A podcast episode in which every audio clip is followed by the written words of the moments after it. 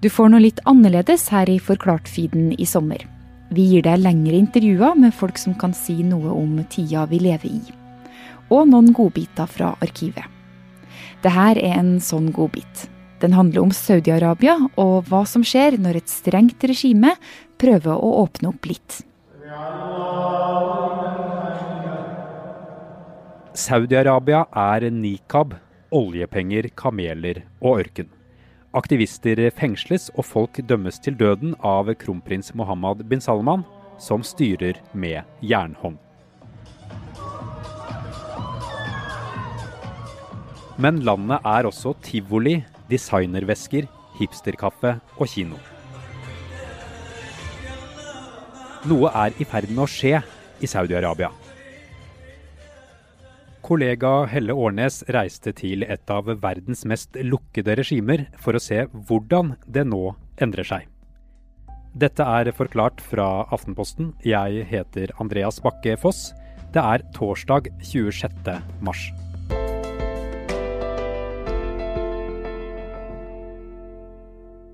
Da jeg satte meg på det flyet fra Paris til Saudi-Arabias hovedstad Riyadh, så var jeg ufattelig spent på hvordan, eh, hvordan, jeg vil bli, rett og slett. Eh, og det var jo veldig eksotisk. Sant? Der så jeg den første kvinnen i, i nikab, altså dette svarte hodeplagget som er heldekkende med bare en liten glipe til øynene. Første kvinnen kom, satte seg ved siden av meg, eller på raden ved siden av meg, sammen med sin mann. Og så starter jo da før vi, før vi, flyr, så er det rett og slett en sånn eh, en bønn som går på, på videoskjermen foran deg i setet, hvor du ber til Allah om at denne reisen skal bli trygg, og at vi skal komme godt frem.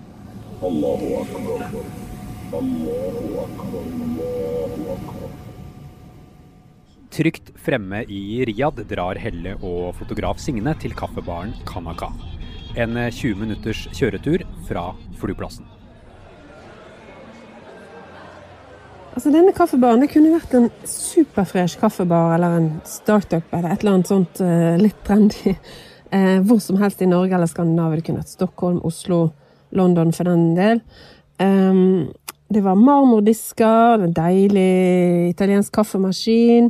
Det var sånne kaffe. Det var grønne planter, og det var lyst nordisk eh, treverk. Og så var det jo én eh, stor forskjell, da, selvfølgelig, og det var jo at i Norge så har ikke barista en eh, nikab. Eh, og, og, og, guttene som er i lokalet, går ikke rundt med sånne sjeikaktige eh, outfits. Hvem er gjestene her? Nei, det er jo litt sånn unge folk, da. Eh, ganske motebevisste, trendy. De har fancy sneakers, kule vesker, kule solbriller.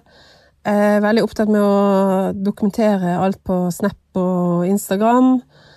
Mye eh, hipsterkaffe. Eh, men også ganske sånn, på denne kafeen var det også ganske sånn hyggelig stemning med en del kunstnere som satt og jobbet og tegnet og ja, arkitekter og sånn. Det var litt sånn kreativ gjeng, da. Um, og så er det jo det her, På denne kafeen så var det jo ikke noe kjønnsdelt, sant. Det, men i, en del kafeer og restauranter i Saudi-Arabia så er det fremdeles sånn at det finnes spor av det som før var eh, påbudt. Altså at kafeer måtte være kjønnsdelte, segregerte eh, for kjønn. Altså Da står det sånne skilt med 'singles', som da er menn, og 'family', som uh, betyr eh, kvinner og barn. Det er fremdeles sånn, det, Nå er det ikke lenger påbudt, men inntil for veldig kort tid siden så var det sånn at uh, kvinner og menn måtte være kjønnssegregerte på eh, kafeer, restauranter, offentlige steder. da. Forskjellige innganger hadde de og sånn. Men på Kanaka, som denne kafeen het, der var det bare én inngang, og i det hele tatt så var det blandet og progressivt, egentlig. Hvorfor kan begge kjønn nå være på samme kafé? Det er en del av, en ganske tydelig del av en rekke sosiale regler som er myket opp. Det er rett og slett noe som har skjedd i løpet av de siste to årene i eh, Saudi-Arabia. Og de fleste av de eh, reformene eller oppmykningene kan man knytte til eh, landets nye og veldig mektige kronprins, som heter Mohammed bin Salman, også kalt MBS. Vi er straks tilbake.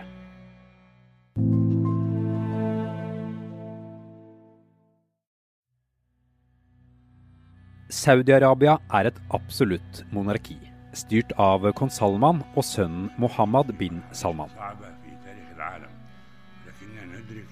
Landet har ingen grunnlov og heller ikke noe nasjonalt folkevalgt organ. Det styres bl.a. etter konservative islamske sharialover, og det var først for fem år siden at kvinner for første gang fikk stemme i lokalvalget. Kvinner i Saudi-Arabia lever jo under en veldig ufrihet, i hvert fall sett med våre øyne. Det er et veldig undertrykkende system.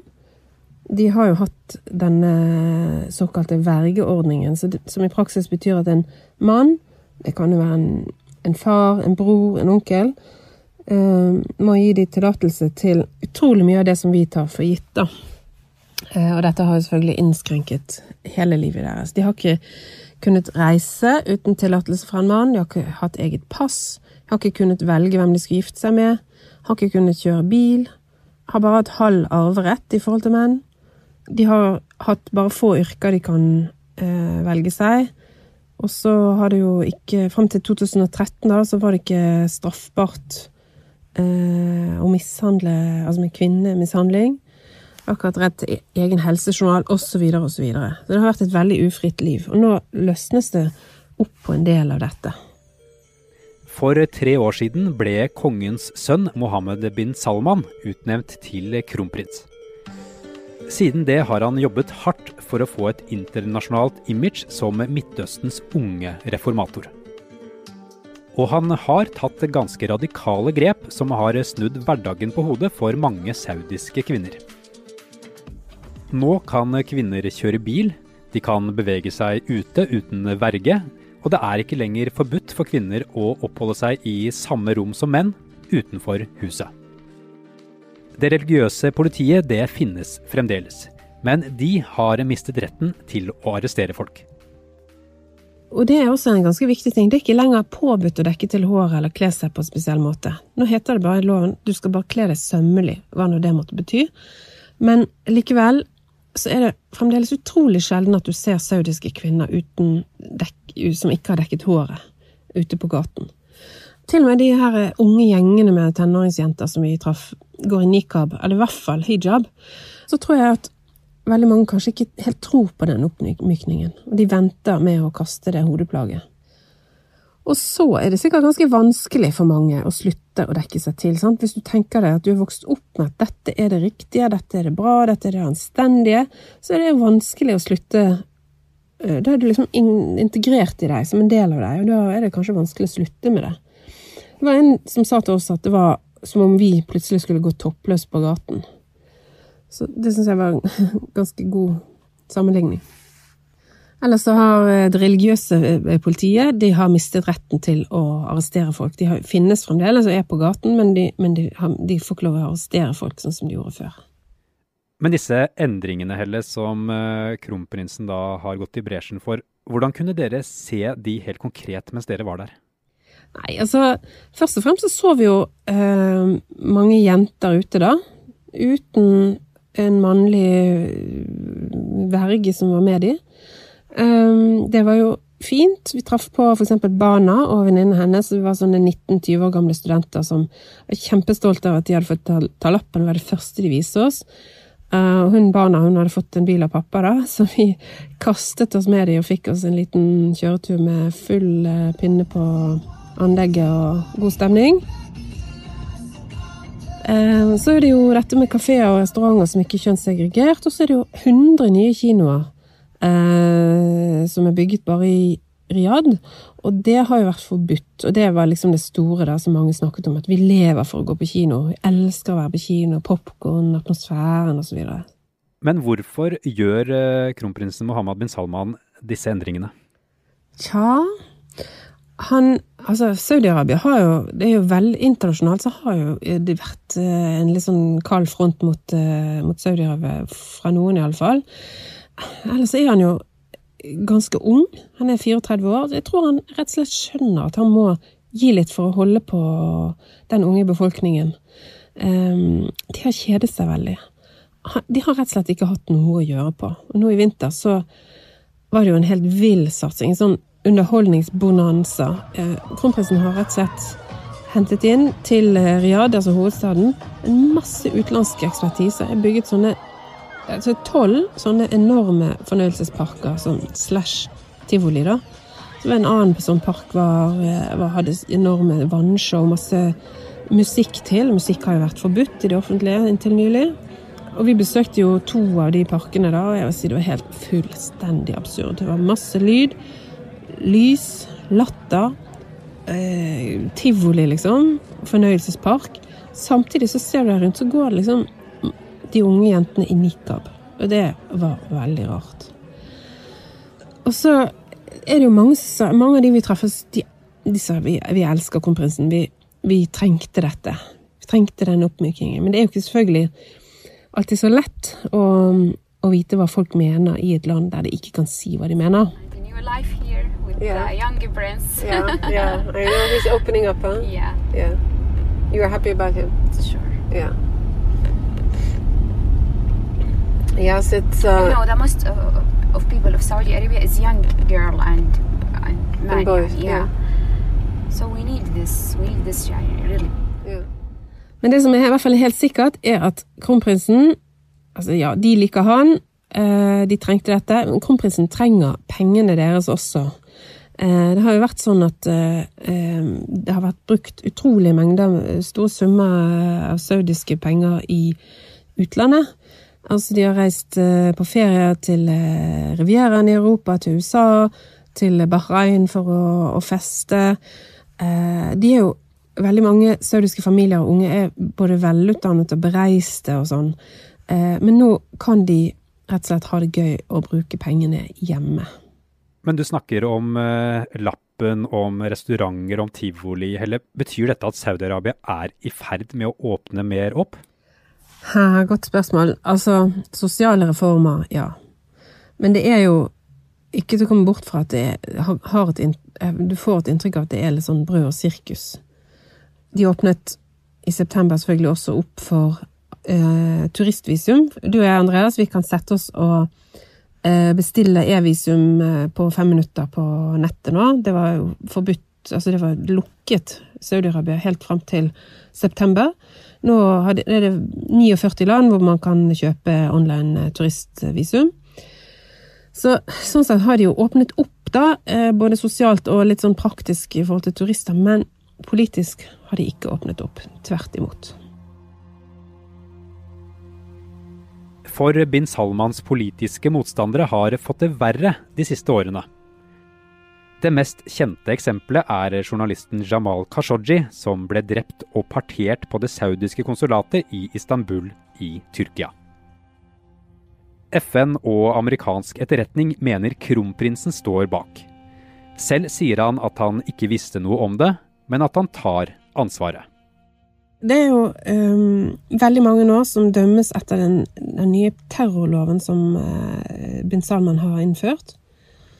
Og der anklages og dømmes de for ulydighet mot herskeren. Dette går, disse arrestasjonene de går litt i sånne bølger. Uh, for eksempel var det en bølge akkurat da når kvinner fikk lov til å kjøre bil. Så to uker, tror jeg, før det, så det Eh, så ble alle de fremste aktivistene som hadde kjempet fram den eh, reformen, fengslet. Og mange av de sitter fengslet enda, og flere av de er blitt eh, torturerte. Men det er også flere titalls personer som, blant annet mindreårige, altså folk under 18 år, som er blitt dømt til døden for ting som de har ytret. Saudi-Arabia er et land med et av de landene i verden som har flest henrettelser.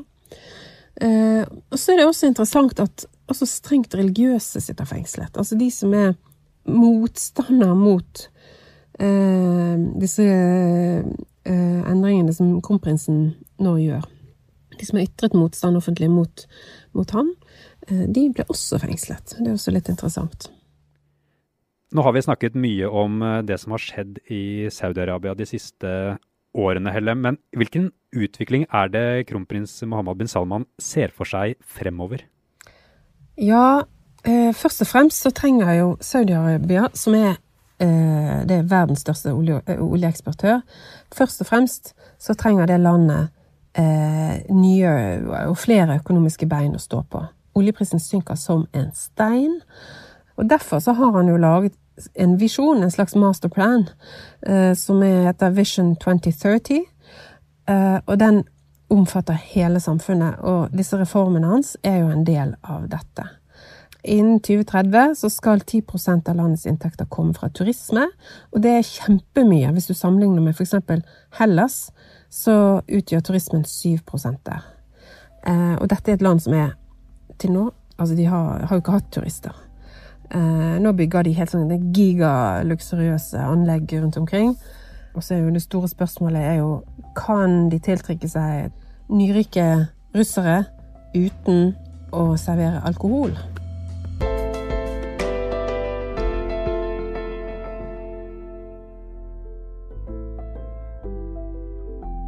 Forklart lages av Caroline Fossland, Anne Lindholm, Fride Næss Nonstad, Kristoffer Rønneberg og meg, Andreas Bakke Foss. I denne episoden har du hørt lyd fra nyhetsbyrået AP.